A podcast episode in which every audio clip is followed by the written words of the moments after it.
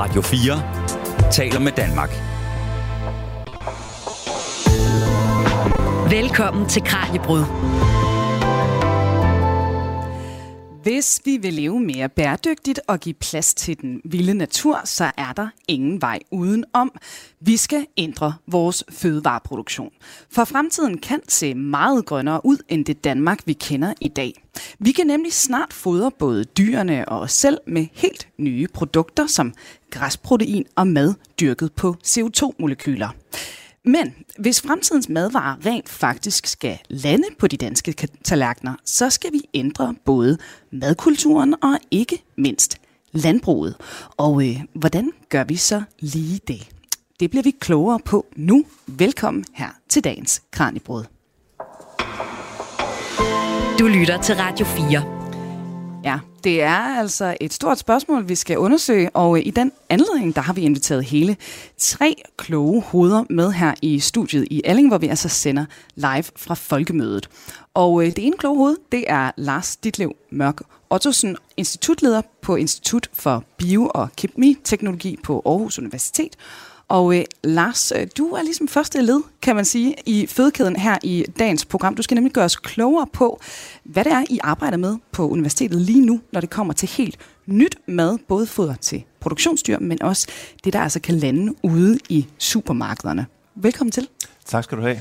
Og øh, du har taget noget spændende med, vi skal smage på, men det venter vi lige lidt med, men vi kan sige til lytterne, der, øh, der er noget novel food, som man kalder det senere i, i udsendelsen, ikke? Absolut. Fedt, det er mm. godt. Det, det glæder jeg mig til. Her ved bordet har vi også Christine Nellemann, der er institutdirektør ved DTU Fødevareinstituttet, medlem af Etisk Råd og EFSA Advisory Forum. Og øh, Christine skal hjælpe os med at forstå næste led, kan man sige, i produktionsprocessen.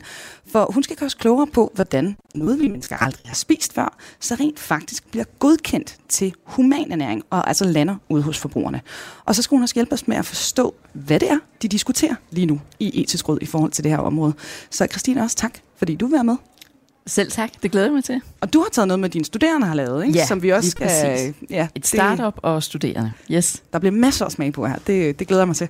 Og øh, nu øh, kommer vi så til sidste led i produktionen, for øh, nu er den nye mad godkendt. Det ligger på hylden i supermarkedet.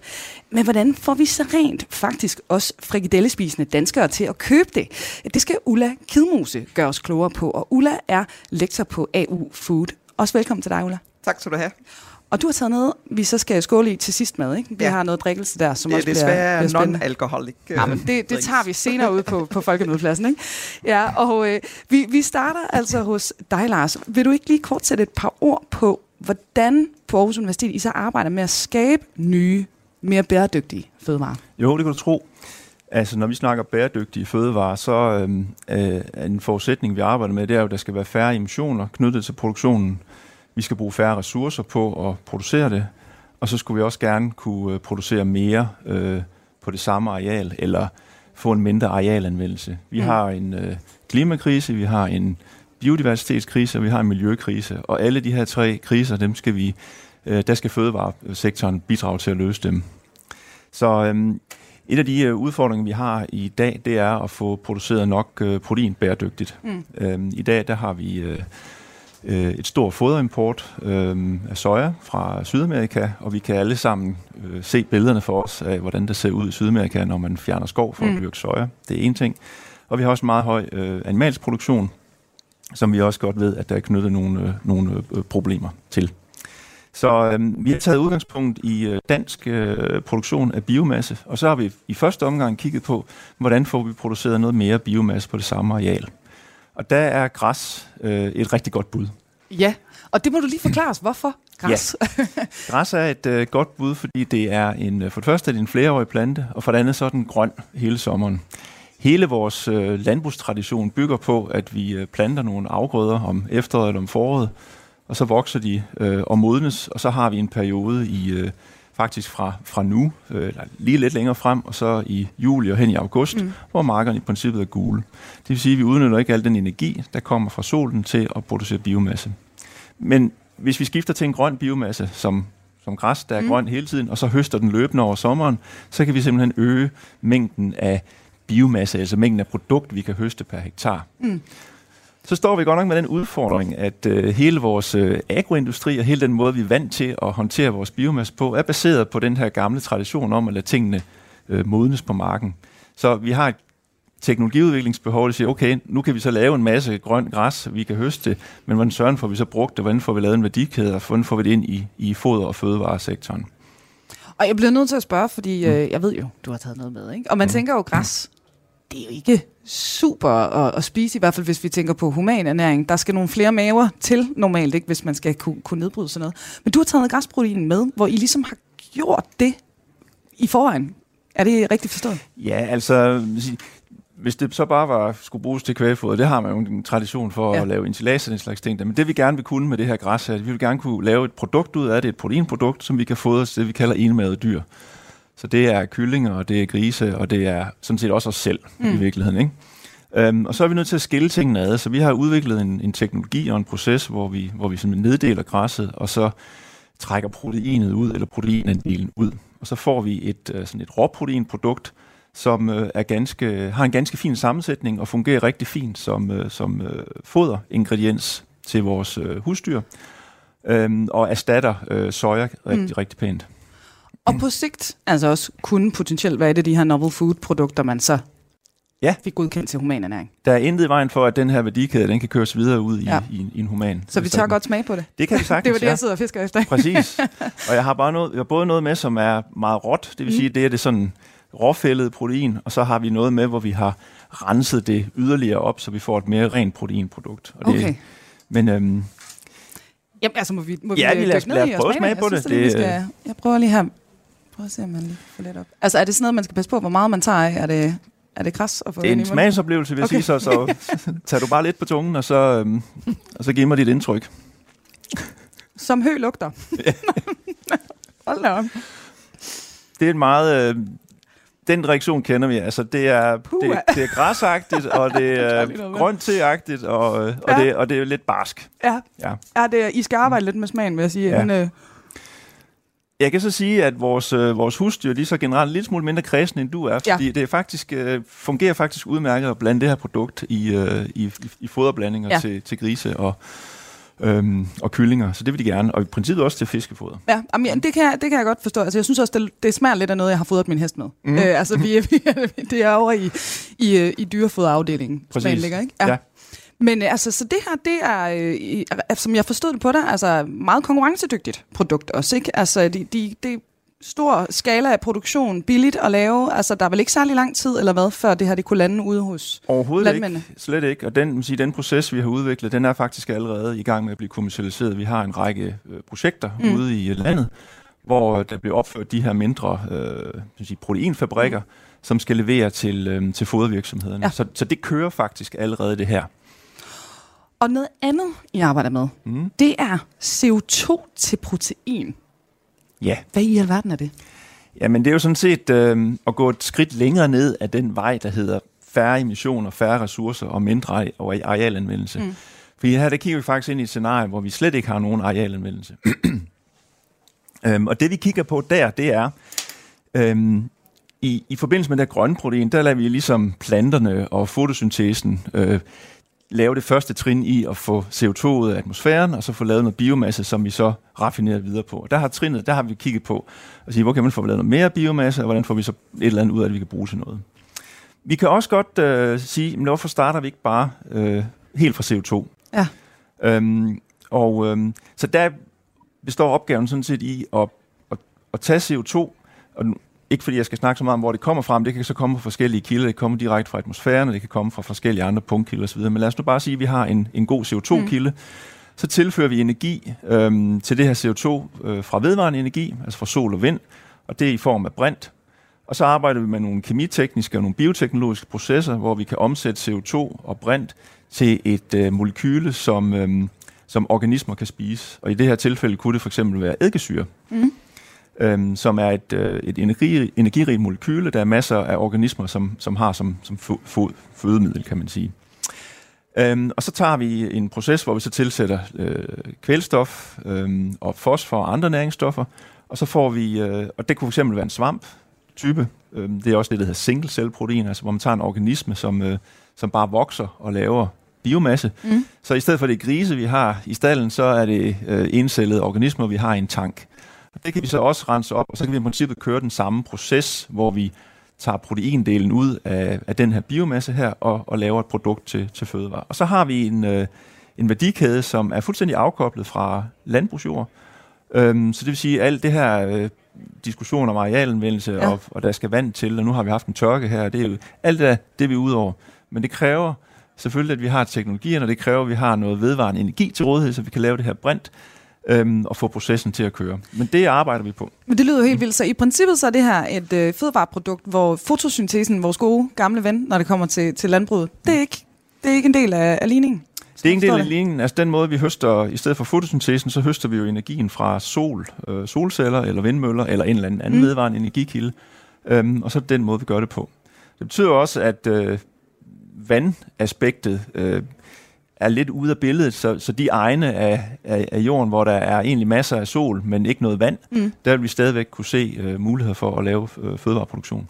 Og i forhold til, altså nu kan jeg godt høre, det lyder som om, det er noget, der er længere hen på tidsskalaen det her, ikke? Altså, øh, nu snakker vi græsprotein, det er relativt tilgængeligt, det kommer øh, formentlig ud til produktionen ret snart. Ja. Hvad så med øh, CO2 til protein? Hvor lang tid går det der, tror du? Jamen, der går lidt længere tid. Øhm, men igen, så handler det jo meget om, at øh, teknisk set er det faktisk... Øh, det er, meget, det er muligt det her. Vi ved godt, i princippet godt, hvordan vi skal gøre det. Mm. Men det handler om at få sådan nogle ting her skaleret.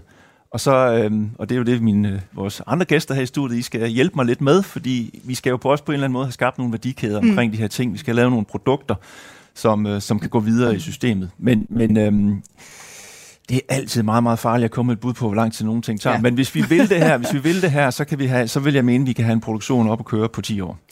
Og altså, det her det er faktisk et spørgsmål til alle sammen, for når, når man sidder og snakker om det her, og jeg ved, altså Christine, I har jo også altså, lignende produkter, I forsker i og så videre, ikke? Altså, det lyder som noget, hvor man godt lige pludselig kunne have en flok øh, landmænd stående uden for døren med, med høtyve i hånden. Altså, øh, er det ikke en lidt svær besked at gå ud med den her, alt hvad I tænker er naturligt og normalt med måden at lave fødevare på? Det er vi lige i gang med at revolutionere. jo, men nu skal vi huske på, at, at øhm, altså, vi kigger ind i en verden med stadigvæk flere mennesker, mm. og øh, der er stadigvæk flere mennesker, der gerne vil spise mere protein. Så jeg tror, man skal tænke sådan på det, at øh, meget af det, som de basale proteintilskud, man, man får i, i en kostsammensætning, det kan komme fra de her teknologier mm. her. Og jeg tror, der er mange landmænd, som egentlig gerne vil fokusere på at lave noget kvalitetskød, lave nogle lækre grøntsager og nogle andre lækre produkter, øh, som skal supplere det her. Det er jo ikke sådan, at vi kun skal spise det her øh, øh pulver.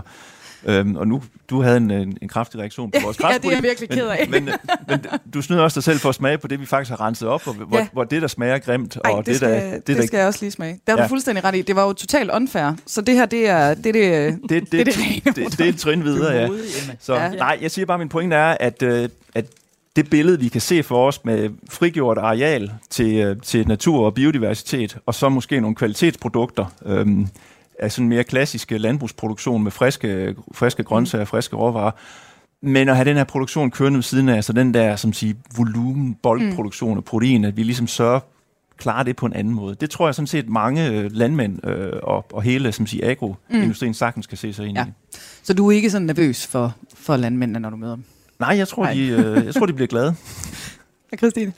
Men jeg er helt enig i, at der er jo mange veje til det her. Der skal være mange produkter, og jeg har jo taget nogle andre med, hvor vi har noget, et DTU startup faktisk firma Tempty Food, som har taget mycelier fra svampe, altså noget af det, der mm. øh, kan gro der, og blandet det med nogle plantebaserede produkter, og så får et nyt produkt, som man kan stege eller varme osv. Det er en vej. Der er en masse på bælfrugter faktisk også, ikke? hvor det her er nogle fødevareteknologistuderende, som også har lavet nogle crackers og noget øh, alternativ til en, til en peanut butter. Så, så man kan sige, det er jo ikke én vej frem, men jeg synes, i det her spænd og de store udfordringer, vi står overfor, der, der er vi nødt til at samle alle kræfter, og der vil landmændene helt klart være være en, en vigtig interessent og en vigtig stakeholder, vi skal have med, ikke også? Ja. Helt sikkert. Og I får det øh, et spørgsmål også til, til alle sammen. I forhold til, når vi sidder og snakker om de her novel foods, og øh, det lyder jo alt sammen øh, enormt spacey i vores ører lige nu, men det er jo altså noget, vi så skal vende os til i fremtiden. Findes der egentlig allerede produkter, der kan det samme, øh, men som vi bare ikke har lyst til at spise? Eller er det her virkelig sådan, det er det, der skal til for at, at revolutionere det hele? Det er jo ikke kun det, der skal til, men det skal være en del af det. Ja. Altså på DTU går vi jo meget ind, for vi bruger de nye teknologier, om det er GMO, eller det er øh, forskellige CO2-fangster mm. og alt det der, og, og simpelthen prøver den vej også, ikke? Men, men hvis jeg skal gå videre og kigge på, på nogle af de andre ting, så skal en fødevare jo være sund og sikker. Ellers mm. er det jo egentlig ikke en fødevare. Altså, ja. vi, vi skal få noget ernæringsmæssigt ud af det, og, og det skal være sikkert, vi skal ikke blive syge af det. Øhm, så, så det er ligesom det basale. Der skal være noget ernæring, protein, øh, gode vitaminer, alt det her. Mm. Ikke også? Og så er det jo så EFSA i Europa, European Food Safety Authority, sidder og kigger på, jamen for at vi får lov at sælge ting på markedet øh, som en fødevare, så, så skal det simpelthen igennem og, og sikkerhedsvurderes. Hvis det er en novel food, hvis det er noget, der ikke er spist før ja. 1997. Og med det, det er det perfekte springbræt, for øh, der skal vi altså nu videre. Vi rykker nemlig nu til øh, næste led, kan man sige her i vores undersøgelse. Nu handler det om, hvordan når forskerne så altså fremtryller netop det her, vi aldrig har spist før, novel foods. Øh, hvad afgør så, om det er noget, der må sælges til og spises af forbrugerne? Og hvilke etiske diskussioner er det også, vi kigger ind i lige nu? Du lytter til Radio 4. Og til nye lyttere, vi er i fuld sving med at øh, zoome ind på fremtidens fødevare her i Kranjebrud. Og øh, studiet er simpelthen rykket til Bornholm i dag, fordi vi sender nemlig live fra Folkemødet. Og øh, Christine, nu øh, var vi inde på det her, vi skal til at, at snakke om. Du er som sagt altså institutdirektør ved DTU Fødevareinstituttet, og også øh, medlem af Etisk Råd og EFSA Advisory Forum. Og øh, i forhold til netop EFSA altså, og de her nye madvarer, de skal jo altså, som vi snakker om, godkendes. Vil du ikke lige sætte et par ord på, hvordan I arbejder og, og hjælper med det?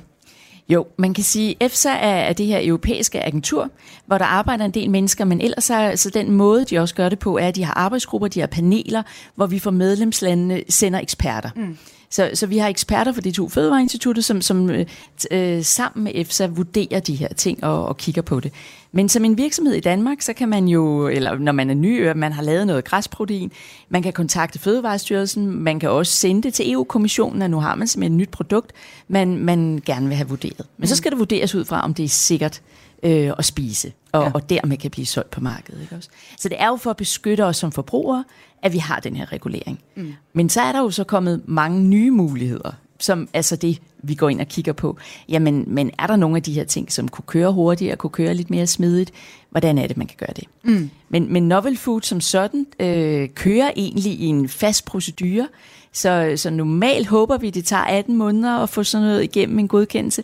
Så er der tit spørgsmål, noget man mangler simpelthen at, at levere til EFSA eller det EU-kommissionen, som gør, at det for det meste tager to et halvt år faktisk at, at få noget godkendt på markedet. Men det er simpelthen for, at man skal vise, at det er sikkert og sundt at spise. Ja, og det er man jo som forbruger glad for. Ja. Selvom uh, der er alle mulige bæredygtighedshensyn og sådan noget, så vil man jo også gerne have, at det er i orden, det man, man indtager. Ikke? Øhm, og du havde også taget noget med, Christine. Du uh, fortalte, ja. noget, dine studerende havde lavet. Ja, vi har fødevareteknologistuderende på DTU, som har lavet nogle øh, crackers, eller små kiks, mm. øh, baseret på, på øh, forskellige bælfrugter. Og her er der også en peanut butter erstatning. Og det er jo fordi, der er mange, der er nødallergikere. Så vi også går ind og kigger på, jamen, hvad kan man gøre der med plantebaseret. Så man kan sige, at de to produkter er egentlig plantebaseret. Der er ikke noget novel food som sådan i det. Det kan man egentlig godt gå ud og... Nu er det studenterprojekter og så videre. Endnu ikke noget, der er blevet markedsført og, og lavet til virksomheder. Men det kan man egentlig jo godt lave i dag. Og man kan sige, at rigtig meget af det, der kan gøres også, er jo, at vi spiser mere plantebaseret. Det ja. skal vi lige huske. Mm. Altså hvis vi, vi er også ud over alle de kriser, som, som Lars nævner, så er der også faktisk en sundhedskrise. Hvis vi spiste mere plantebaseret, vil vi faktisk også spise sundere. Så, så hvis vi allerede i dag bare levede efter de kostråd, de gamle kostråd, inden de klimarigtige eller bæredygtige kostråd ja. kom på, så vil vi faktisk også spare klimaet for, for en hel del. Ikke? Så, så der er noget her, der hænger sammen, at vi simpelthen lever i lidt overflod og, og har spist meget mere animalsk, end, end vi egentlig behøver, også ud fra sundhedsmæssigt. Ikke? Så det er jo det, vi forsker i, hvor vi på ernæringssiden, hvor vi giver den rådgivning til Fødevarestyrelsen, som så har været ude med de nye bæredygtige og sunde kostråd. Jamen altså, skal vi også lige smage lidt? Og Lars, jeg vil altså lige skynde mig at sige, at du havde ret den oprensede smagte meget bedre. Ja. lige for at være retfærdig over for græsproteinet. Øhm, det er jo godt. Det så det der var peanut butter ja. erstatning, ligesom. Som er det man sådan en her, man tager ja, det så med? tag den med, med sådan en cracker, ja. hvor der I, er kommet I, andre, I, I, uh... I er velkomne, i hvert fald. Ja. Så kan jeg... Nu kan det være, at det knaser lidt, selvfølgelig. Ja. Det knaser lidt i mikrofonen. Ja, ja, lige præcis. Det havde, det havde jeg ikke lige... Ikke så tit, jeg er i radioen, så det havde jeg ikke lige vurderet. Men øh, ja, og det er simpelthen ud fra... Øh, at vores studerende jo er rigtig glade for at arbejde med bæredygtige produkter, med at se, hvad kunne vi øh, gøre af nye produkter, og vi som forbrugere, hvad Ulla kommer ind på senere, har jo også brug for, at det, at det er noget spændende, og det er sundt, og det er sikkert. Så har vi det andet, som er fra Tempty Food, som så er myceliebaseret, og også, I kan se, der er noget gulerod i det også. Mm. Og det er altså stegt på panden her til morgen. Godt nok, så det, det er jo lækrest, hvis det, hvis det lige er stegt, ja. ikke også? Men, men det er jo... Øhm, så det er nogle... Øh og det er simpelthen et, et, et øh, det vandt startup-prisen på DTU sidste år, sådan et firma.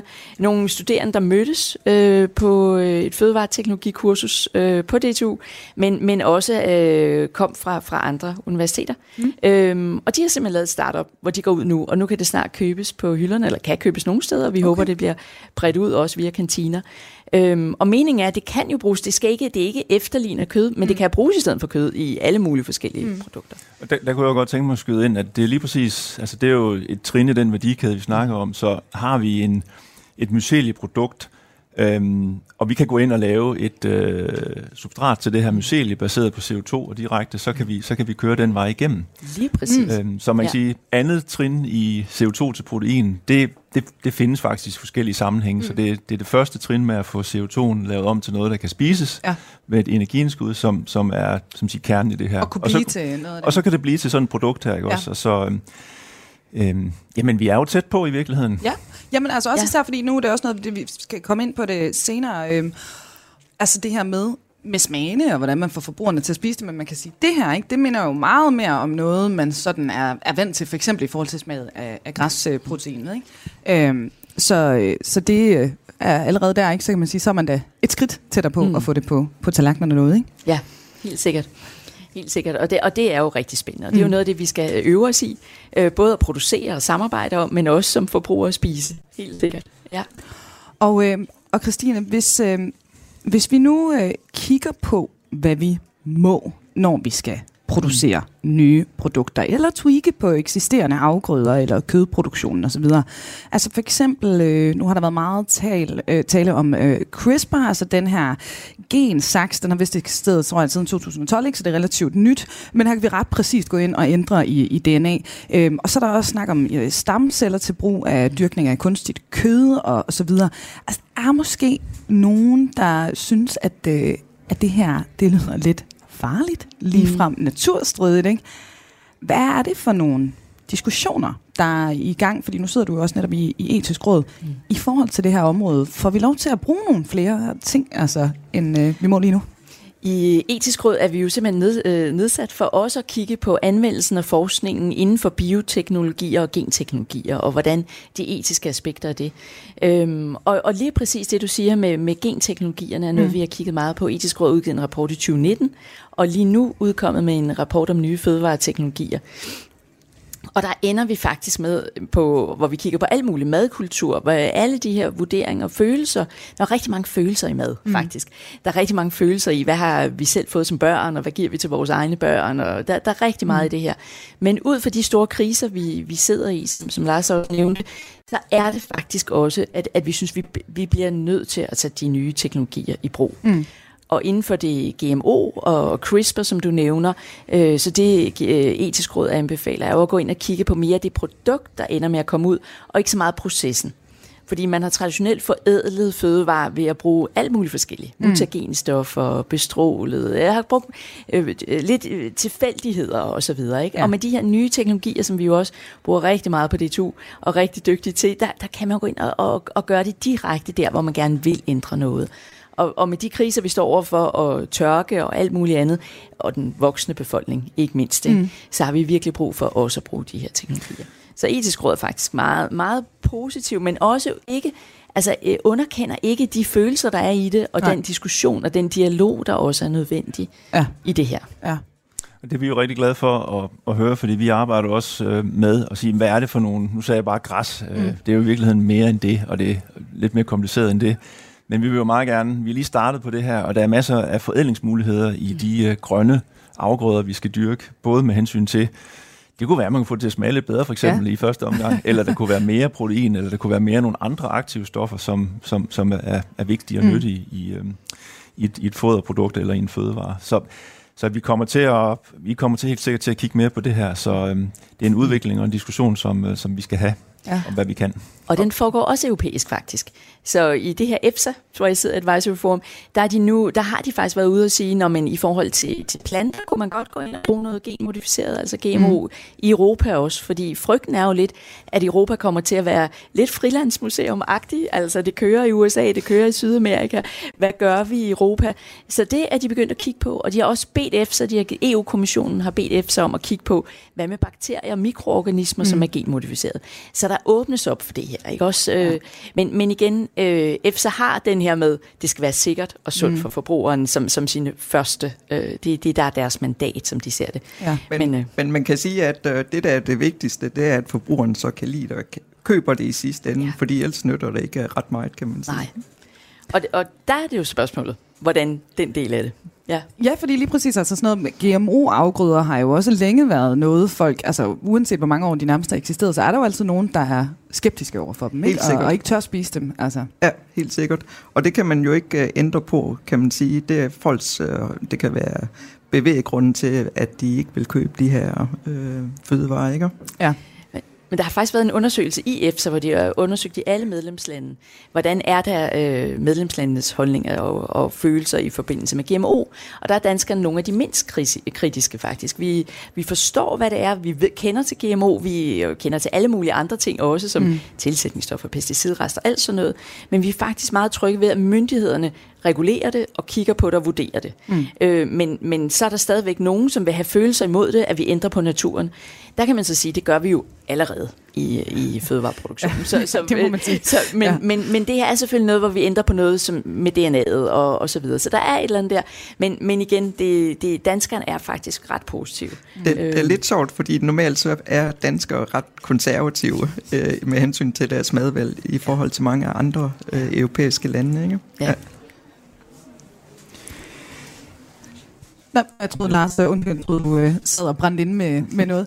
Ja, men det er, jeg har lavet et program med Karoline Nyvang, der er madhistoriker. Hun har beskrevet dansk madkultur som en supertanker. Altså den mm. her, der bare har kørt fra slutningen af 1800-tallet og ikke bliver slået ud af kurs, uanset hvad vi får af nye tilbud. Ikke? Så, øh. Og med kostundersøgelserne, vi tror på de to, øh, nå, men nu kommer der meget ja. mindre kødforbrug og mange flere planter, vi spiser.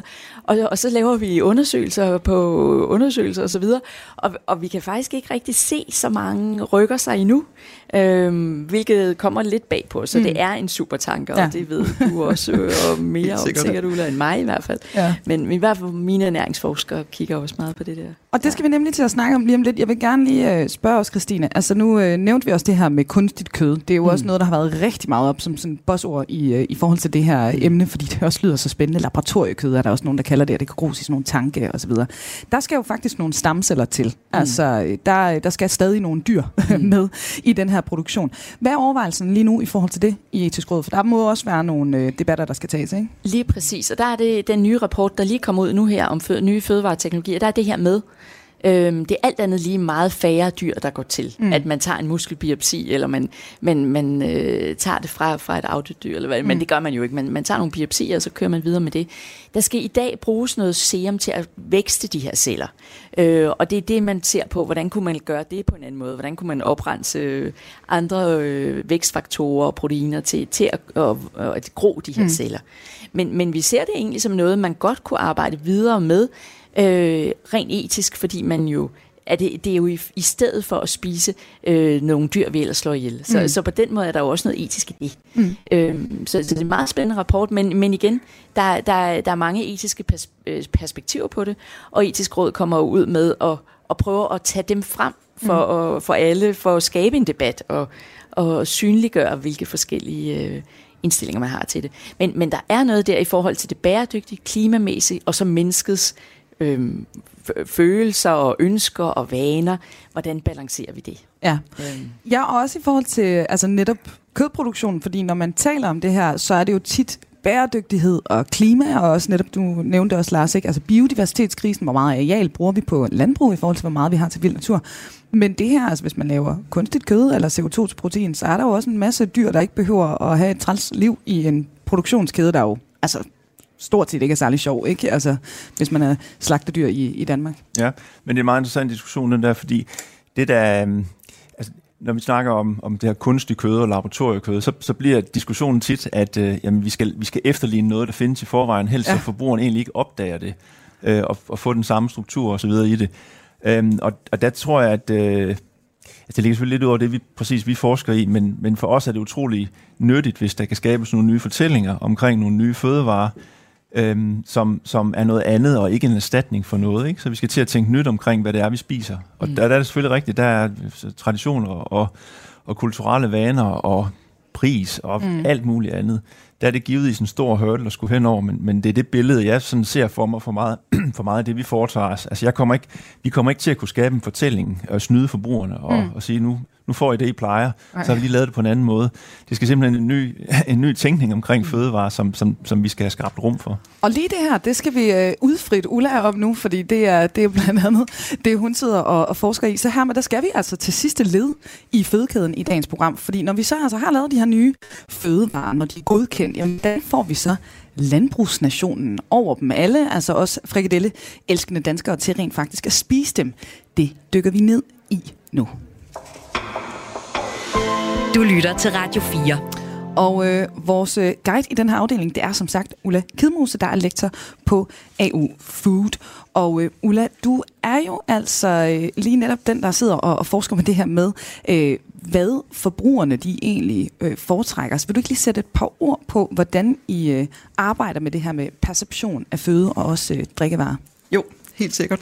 Øh, man kan sige, når man snakker perception, så er det, hvordan man opfatter et produkt. Øh, og øh, i modsætning til Christina, som siger, at ernæring og øh, sund, øh, sikkerhed det er mm. det vigtigste, så kan vi se, at det her omkring øh, de egenskaber, man opfatter øh, rent sensorisk, rent smagsmæssigt eller øh, teksturmæssigt, de har rigtig stor betydning for, hvad forbrugerne de vælger, og hvad de godt kan lide at spise, kan man sige.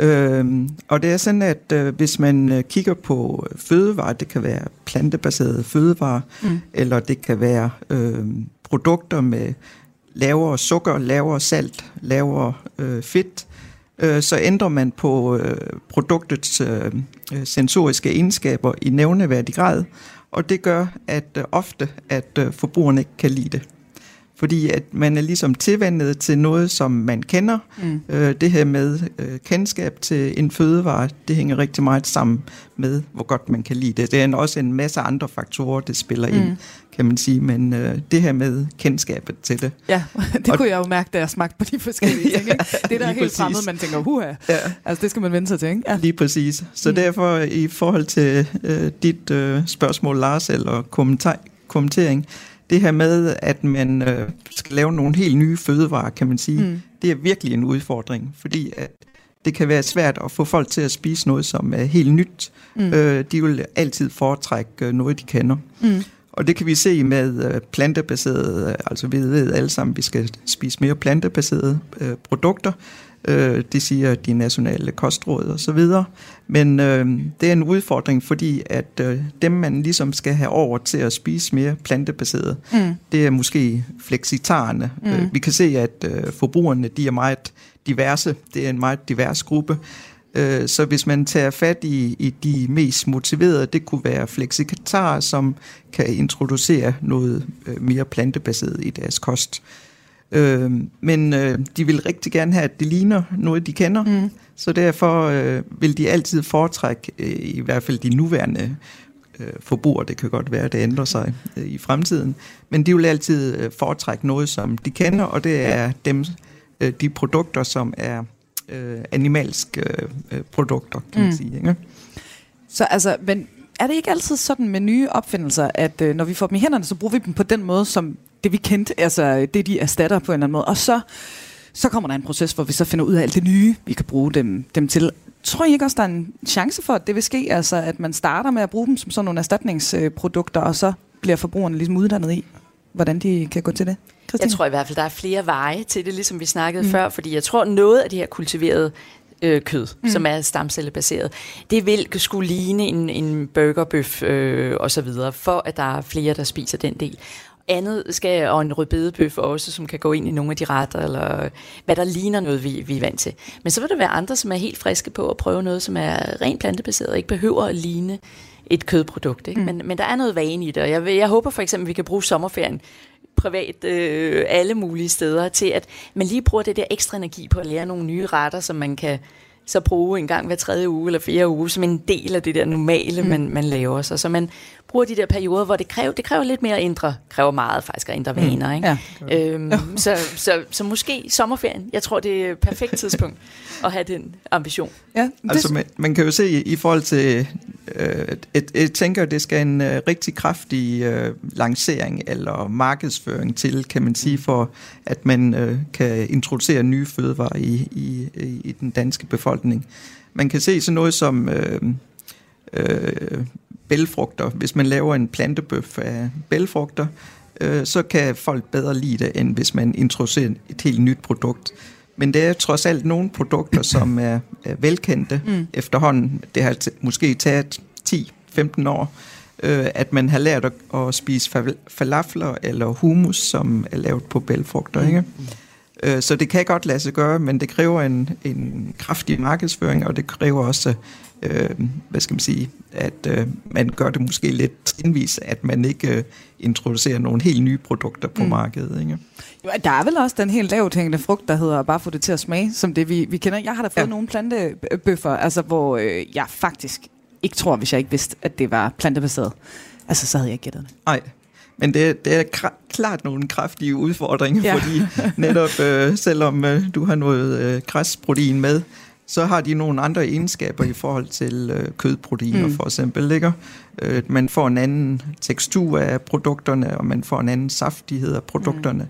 Så det, det er nogle klart øh, kraftige udfordringer for øh, fødevareforskere til at kunne lave noget, som ligner øh, mm. faktisk det, man øh, spiser som animalske produkter. Ikke? Mm.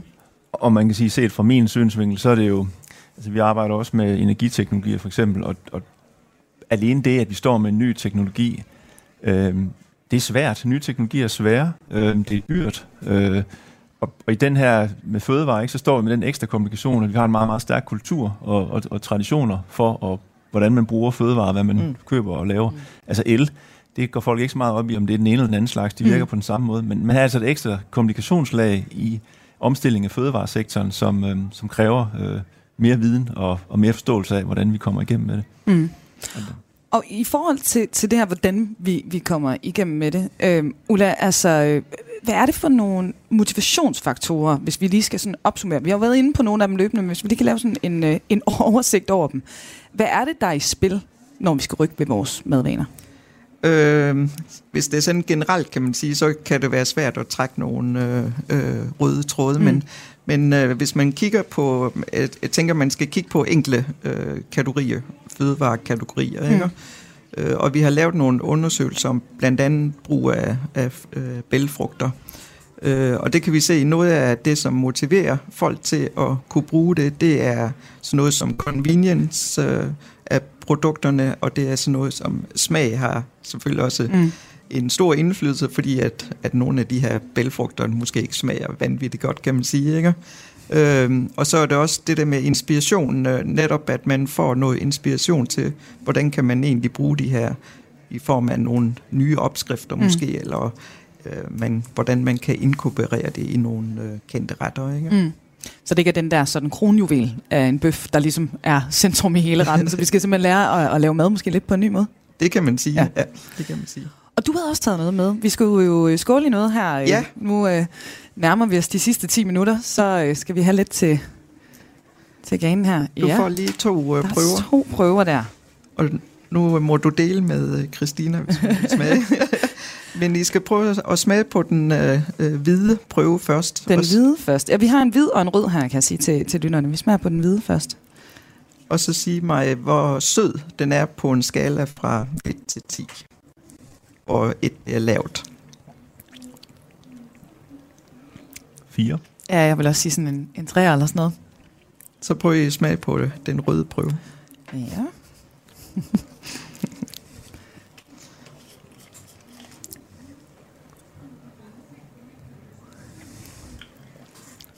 Der vil jeg sige, op i en 6 eller en 7. Jeg synes, det er det samme. Du synes, det er det samme? Okay, ja, spændende. Ej, jeg synes allerede bare, da jeg stak næsen ned til det, så, så var der noget i min hjerne, der sagde, at det var sødt. Det er en af de strategier, man kan gøre til at, at fastholde øh, sødmen i et produkt, selvom man reducerer det med sukker. Mm. Fordi det er faktisk det samme, det er tonicvand i, i begge glas, mm. men så er det tilsat noget jordbæraroma og noget farve.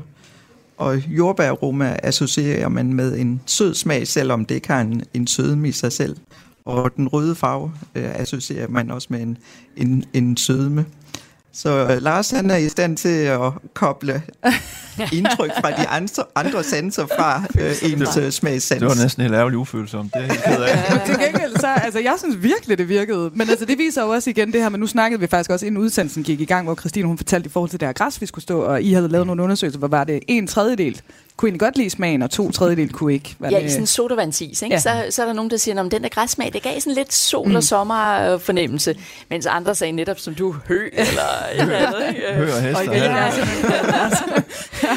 Ja. Så, men, men hvis vi kunne sænke sukkerindholdet ved bare at farve lidt, ikke? Øh, Mm. og det er godkendt farvestoffer og alt sådan noget, øh, så er det jo rigtig fint. Det er, da, det er da sindssygt smart. Danskerne Ja. ja, Ja, spiser er meget alt for meget sukker og slik og alt sådan noget. Ikke? Så det vil jo være super smart. Så, Ja. ja. så der er jo nogle ting, hvor vi måske ikke øh, snyde som sådan, men, men hvor vi selv også kan foretrække at sige, det her er en god idé. Det er jo Og- og madmagi, man kan- Hvad siger du? Det er jo madmagi. Ja, lige præcis. Og man kan sige, øh, øh, man kan jo bruge samme teknikker netop til at, at gøre græs spiseligt, Ja, kan man får sige. vist ikke? brug for al den hjælp, jeg overhovedet kan få til.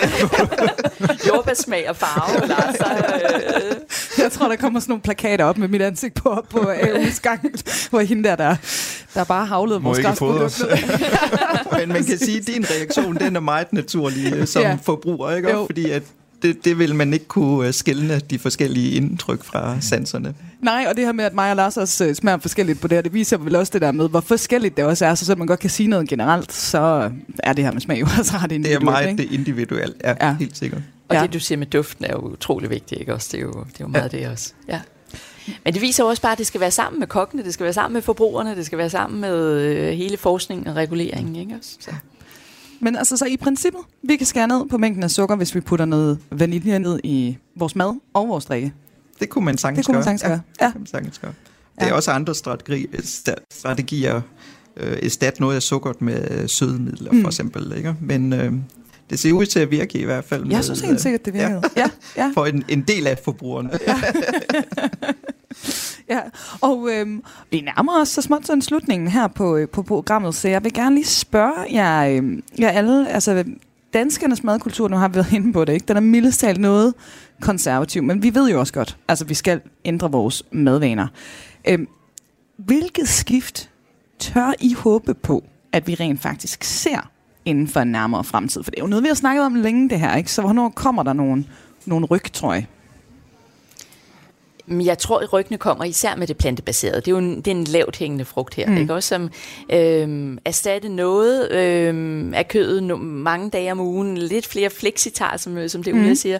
Øh, det tror jeg godt, vi kan. Men vi skal lige vi skal prøve det af. Vi skal have nogle opskrifter, som vi tager ind i vores øh, normale forbrug af, af mad, ikke også? Altså, hvor det, som det smager godt og ernæringsrigtigt godt øh, også, ikke? Mm. Det er ikke sådan, at vi slet ikke kan spise animalske produkter. Selvfølgelig kan vi det, men det skal bare være et meget, meget lavere niveau end i dag, ikke?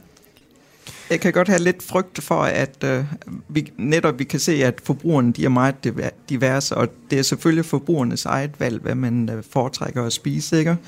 Øh, så jeg, jeg tænker det her med dem, der går over og bliver øh, mere plantebaseret, det er måske en, en specifik øh, segment af forbrugerne, ikke? som i forvejen øh, vægter det her med øh, bæredygtighed og sundhed Mm. meget højt i forhold til, hvad de spiser. Ikke? Men så er det en, en kæmpe gruppe, øh, som er rigtig svære at rykke, kan man mm. sige. Ikke? Og det kan man godt øh, have lidt frygt, at, at den gruppe taber man lidt øh, undervejs. Men dem tror jeg så måske, vi kan rykke lidt med. Nu smagte du på det her oprenset Ja, protein, ja. som faktisk ikke smager så specielt Ej, meget. den, så, øh, den var meget mildere. ja. så et, et, altså jeg tror også, der bliver en, en, en retning, hvor vi kommer til i citationstegn at snige noget af det her protein ind i, Mhm. i eksisterende produkter. Øhm, der findes jo allerede en masse som siger, proteinbar og shakes og Ja. drik og den slags ting. Det kan fint køre på det her. Mm. Man kan også sagtens forestille sig et, et, et blandingsprodukt af både noget kødfars, noget plantefars og noget ekstra tilskudsprotein osv. Og, og så vil forbrugeren, det lidt det der med at give dem det, de er vant til, øh, bare lavet på en anden måde. Mm. Øhm, men det ville da være fantastisk, hvis vi kan netop kan få skabt den der nye tænkning mm. omkring mad, og, og, og lade være med at altså prøve at skabe nogle produkter, og sige, at det her det er ikke det er ikke for at snyde, det er ikke en erstatning, det er bare noget nyt, og, og det, skal I, det skal I vende jer til, og så er der first movers, og, og så videre, og så skal det nok komme. Mm. Jamen, og ved vi det, Ulla, altså i forhold til, nu siger du, der er nogen, vi ikke kan rykke ved. Hvis du nu bare var de ældre, så ville det jo egentlig være lidt positivt, for så kunne vi håbe på, at om øh, x antal år, jamen så havde vi så nogle forbrugere, der var meget mere åbne over for det her. Men det er måske ikke helt sådan, det, det hænger sammen. Og man kan godt se en tendens til, at øh, det er mange af de unge, som man kan rykke ved, kan man sige. Ikke? Mm. Øh, og mange af dem er også allerede rykket på det nuværende tidspunkt. Ikke? øh, hvor de har meget mere øh, forståelse af øh, kost og ernæring osv. Mm. Øh, men øh, vi kan også se, at øh, sådan noget som enlige mænd, de kan være rigtig svære at rykke. Kvinder er altid nemmere at rykke, end, ja. øh, end mænd er, kan man sige. Ikke? Øh, så det er helt klart også, ud over de ældre mænd, så kan det også godt være nogle øh, yngre mænd, som har, har man et par teenage derhjemme, som er vant til at gå i fitten og træne, så ved man også godt, hvor attraktivt kød det er for dem. ja. Så de, er, de kan også være lidt svære at skubbe til. Ja. Altså jeg vil sige, at jeg har en, øh, en lillebror, hvis øh, yndlingsbøger er en plantebaseret bøger i Aarhus, og det er ikke, fordi han er vegetar på nogen måde, han spiser alt muligt, han synes bare, den smager bedst. Så det kan jo, altså, der er håb forude, ikke? Der skal vi hen. Ja, ja, ja der skal vi hen.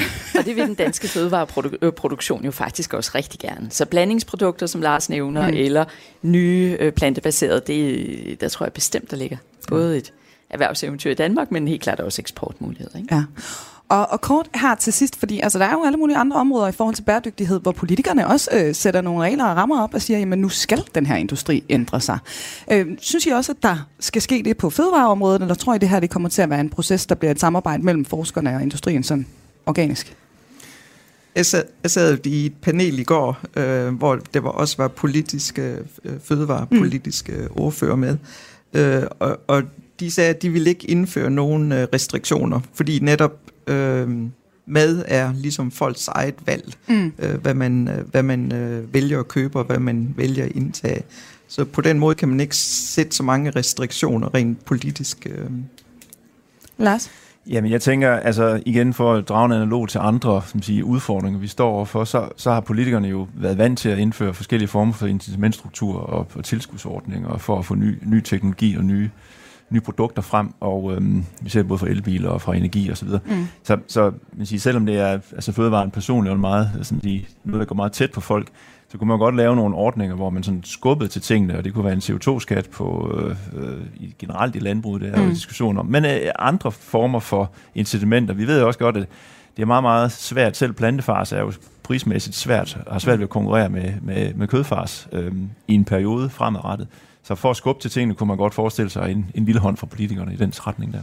Og Christine, du får lige det sidste minut her. Ja, det, jeg synes også, man kunne gøre noget. Det er på offentlige kantiner, køkkener og alt sådan noget. Det er jo faktisk en, en rigtig stor del. Så mm. der, at vi kunne smage nogle nye produkter, noget, noget nye retter, det tror jeg vil, vil flytte noget. Der er selvfølgelig også noget offentlig indkøb. Der er faktisk mange skruer og, og, og dreje på her, øh, som jeg også tror, politikerne godt kunne gøre. Uden at komme ind med den løftede pegefinger og sige, nu skal I og sådan noget. Mm. Ja. Så altså, der er forskellige knapper, der mm. kan mhm. skrues på. Der er en forhåbning for, at den her mentalitet, den bliver mere og mere sådan almindelig, at vi skal vende os til det her med, med det plantebaserede. Og så lyder det jo som om, der kommer nogle spændende produkter ud, altså både på DTU og Aarhus Universitet og alle mulige andre steder. Så der bliver virkelig forsket meget i det her område. Øhm, altså, hvad, øh, en tidslinje lige kort her til sidst på, hvornår vi får sådan øh, det store human ernærings øh, gennembrud. Tør vi give et bud på det? Jeg tror, det er i gang, men det... Ja. altså jeg vil sige på en måde, at vi kan levere det, når... Jeg tror, jeg, min opfattelse er lidt, at når forbrugerne er klar til at tage det, så, så skal vi nok få det uh, leveret. Ja. Jamen, det er også, man kan heller ikke sidde og bede folk om at spå om, om fremtiden. Det går altid galt, det er, det er fair, men vi, uh, vi venter i spænding på at, at se, hvad der sker på det her område. Og øh, vi nærmer os øh, nu slutningen her på, på dagens program, og øh, hermed så vil jeg altså sige tak til vores øh, guides i dag. Det har altså været Lars Ditlev Mørk Ottosen, institutleder på Institut for Bio- og Kemiteknologi på Aarhus Universitet, Christine Nellemann, institutdirektør ved DTU Fødevareinstituttet, medlem af Etisk Råd og EFSA Advisory Forum, og Ulla Kidmose, lektor på AU Food. Tak til jer alle sammen for at være med her i dag. Tak fordi tak. vi måtte. Selv tak. Og i øh, weekenden, der kan du altså lytte til Kranjebrudets highlights fra ugen, og øh, så er vi tilbage som sædvanligt på mandag, hvor vi sender kl. 12.10. Og øh, her vil vi på bare 50 minutter klæde dig på til at kloge dig på intet mindre end de vigtigste nedslag i både dansk og amerikansk politisk historie. Indtil da, der er der ikke andet tilbage end at sige tak, fordi du lytter med. Programmet her er produceret af Videnslyd for Radio 4.